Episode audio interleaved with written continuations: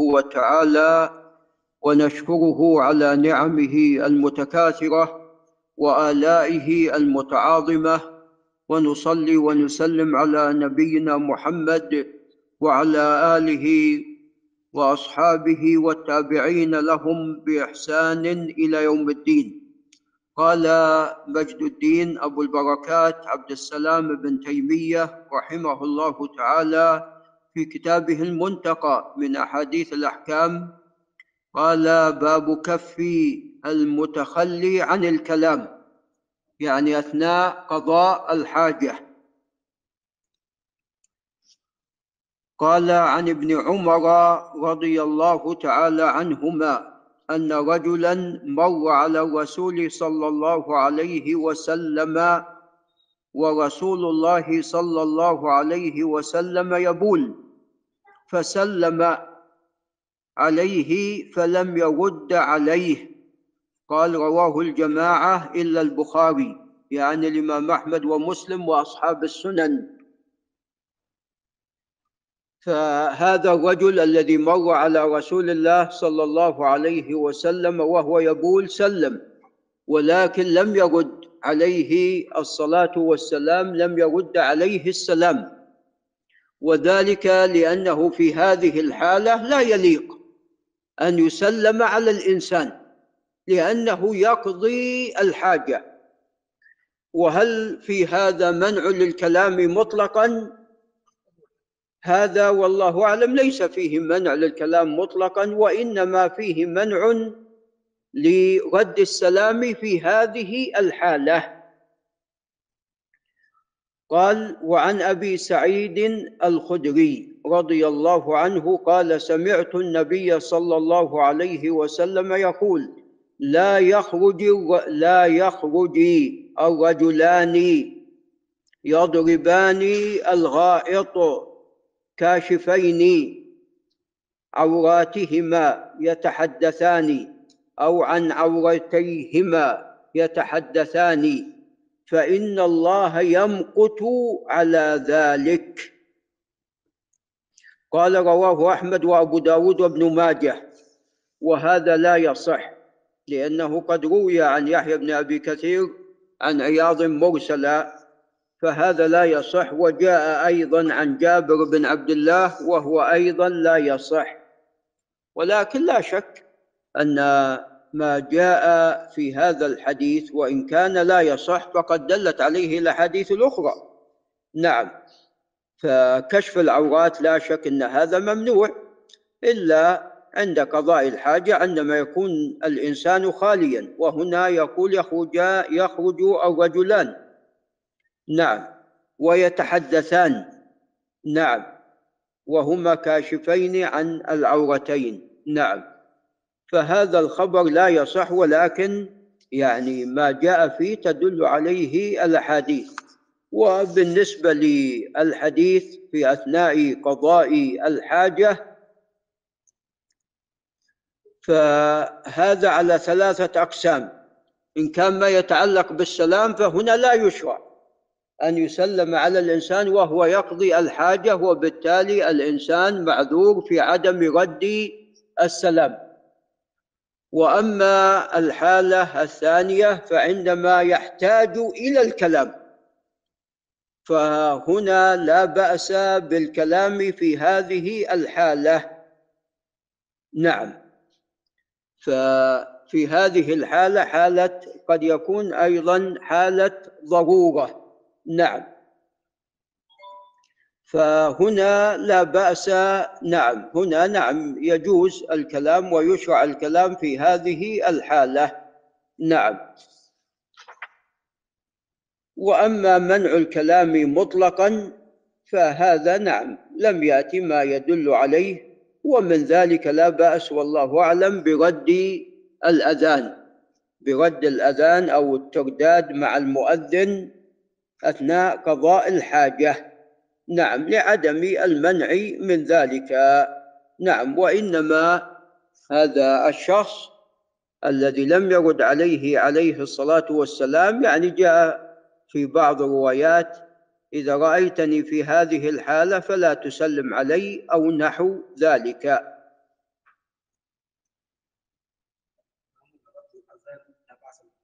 رد الترديد مع المؤذن لا بأس بذلك. قال باب الإبعاد والاستتار للمتخلي في الفضاء. نعم. من السنة أن نعم عفوا الواجب على الإنسان أن يستتر نعم هذا هو الواجب على الإنسان عند قضاء الحاجة.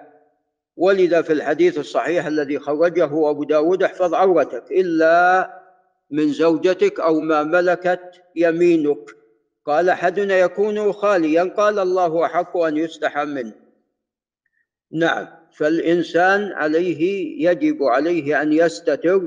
وأما إذا كان في فضاء يعني ليس هناك مكان يستتر فيه ليس هناك محلا خاصا لقضاء الحاجة فإذا ما فيه إلا أن يبتعد. يبتعد عن الناس حتى يكون ذلك أستر له. أستر له من جهتين لا تنكشف عورته والثاني لو خرج منه ريح ورائحة فيكون بعيدا عن الناس. قال عن جابر بن عبد الله رضي الله عنهما قال خرجنا مع رسول الله صلى الله عليه وسلم في سفر فكان لا يأتي البراز وهو موضع قضاء الحاجة. قال حتى يغيب فلا يرى. رواه ابن ماجه ولأبي داود كان إذا أراد البراز انطلق حتى لا يراه أحد وهذا أصله في مسلم. قال وعن عبد الله بن جعفر بن أبي طالب رضي الله تعالى عنهما وكان عبد الله بن جعفر ولد في الحبشة أثناء هجرة والده جعفر مع زوجته أسماء بنت عميس الخثعمية فولد عبد الله بن جعفر هناك. نعم.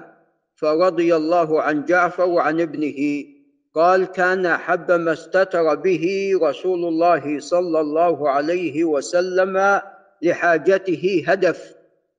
الهدف هو مرتفع من الأرض حتى يستتر بهذا المرتفع بهذا الشيء الذي ارتفع. أو حائش نخل. يستتر خلف النخل. قال رواه أحمد ومسلم وابن ماجه. قال وحائش نخل أي جماعته ولا واحد له من لفظه. أي يستتر خلف النخيل فيكون هذا أستر له. والآن تعلمون أن بعض الناس يعني تساهل في العورات فقد يلبس يعني السروال القصير ويخرج إلى الشارع. والفخذ عورة. الفخذ عورة.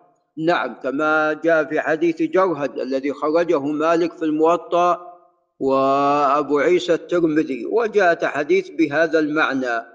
فالفخذ عورة لا يجوز كشفها وعورة الإنسان ما بين السرة إلى الركبة. وهذا الرجل هذا بالنسبة للرجال.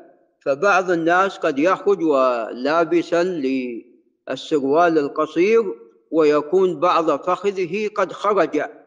ولا شك أن هذا لا يجوز ومحرم. نعم. وأيضا يعني بل عند بعض الأوروبيين نعوذ بالله أو كثير منهم نعم الإنسان يتجرد وعندهم أن هذا نعوذ بالله. نعم ليس فيه كبير شيء. نعوذ بالله من ذلك. نعم كالحيوانات. قال وعن أبي هريرة طبعا يعرف الأستاذ أبو بكر خاصة بالنسبة للفرنسيين وكما قيل من باب ضرب الأمثال لو كانت لعل هل ابن طارق ينتبه لو كانت أوروبا بيتا لكانت فرنسا هي المرحاض. قال وعن أبي هريرة رضي الله تعالى عنه عن النبي صلى الله عليه وسلم قال من أتى الغائط فليستتر فإن لم يجد إلا أن يجمع كثيبا من رمل فليستدبره فإن الشيطان يلعب بمقاعد ابن آدم. نعم. ولذا إذا استعاذ الإنسان خلاص يكون قد حفظ من الشيطان. وتقدم لنا أنه قبل أن يدخل مكان قضاء الحاجة ف يستعيذ اللهم إني أعوذ بك من الخبث والخبائث. ذكران الشياطين وإناثهم. قال من فعل فقد أحسن ومن لا فلا حرج أي جمع الكثير. قال رواه أحمد وأبو داود وابن ماجه وهذا لا يصح. هذا ضعيف. نعم ولا شك الاستتار هذا واجب. هذا وبالله تعالى التوفيق.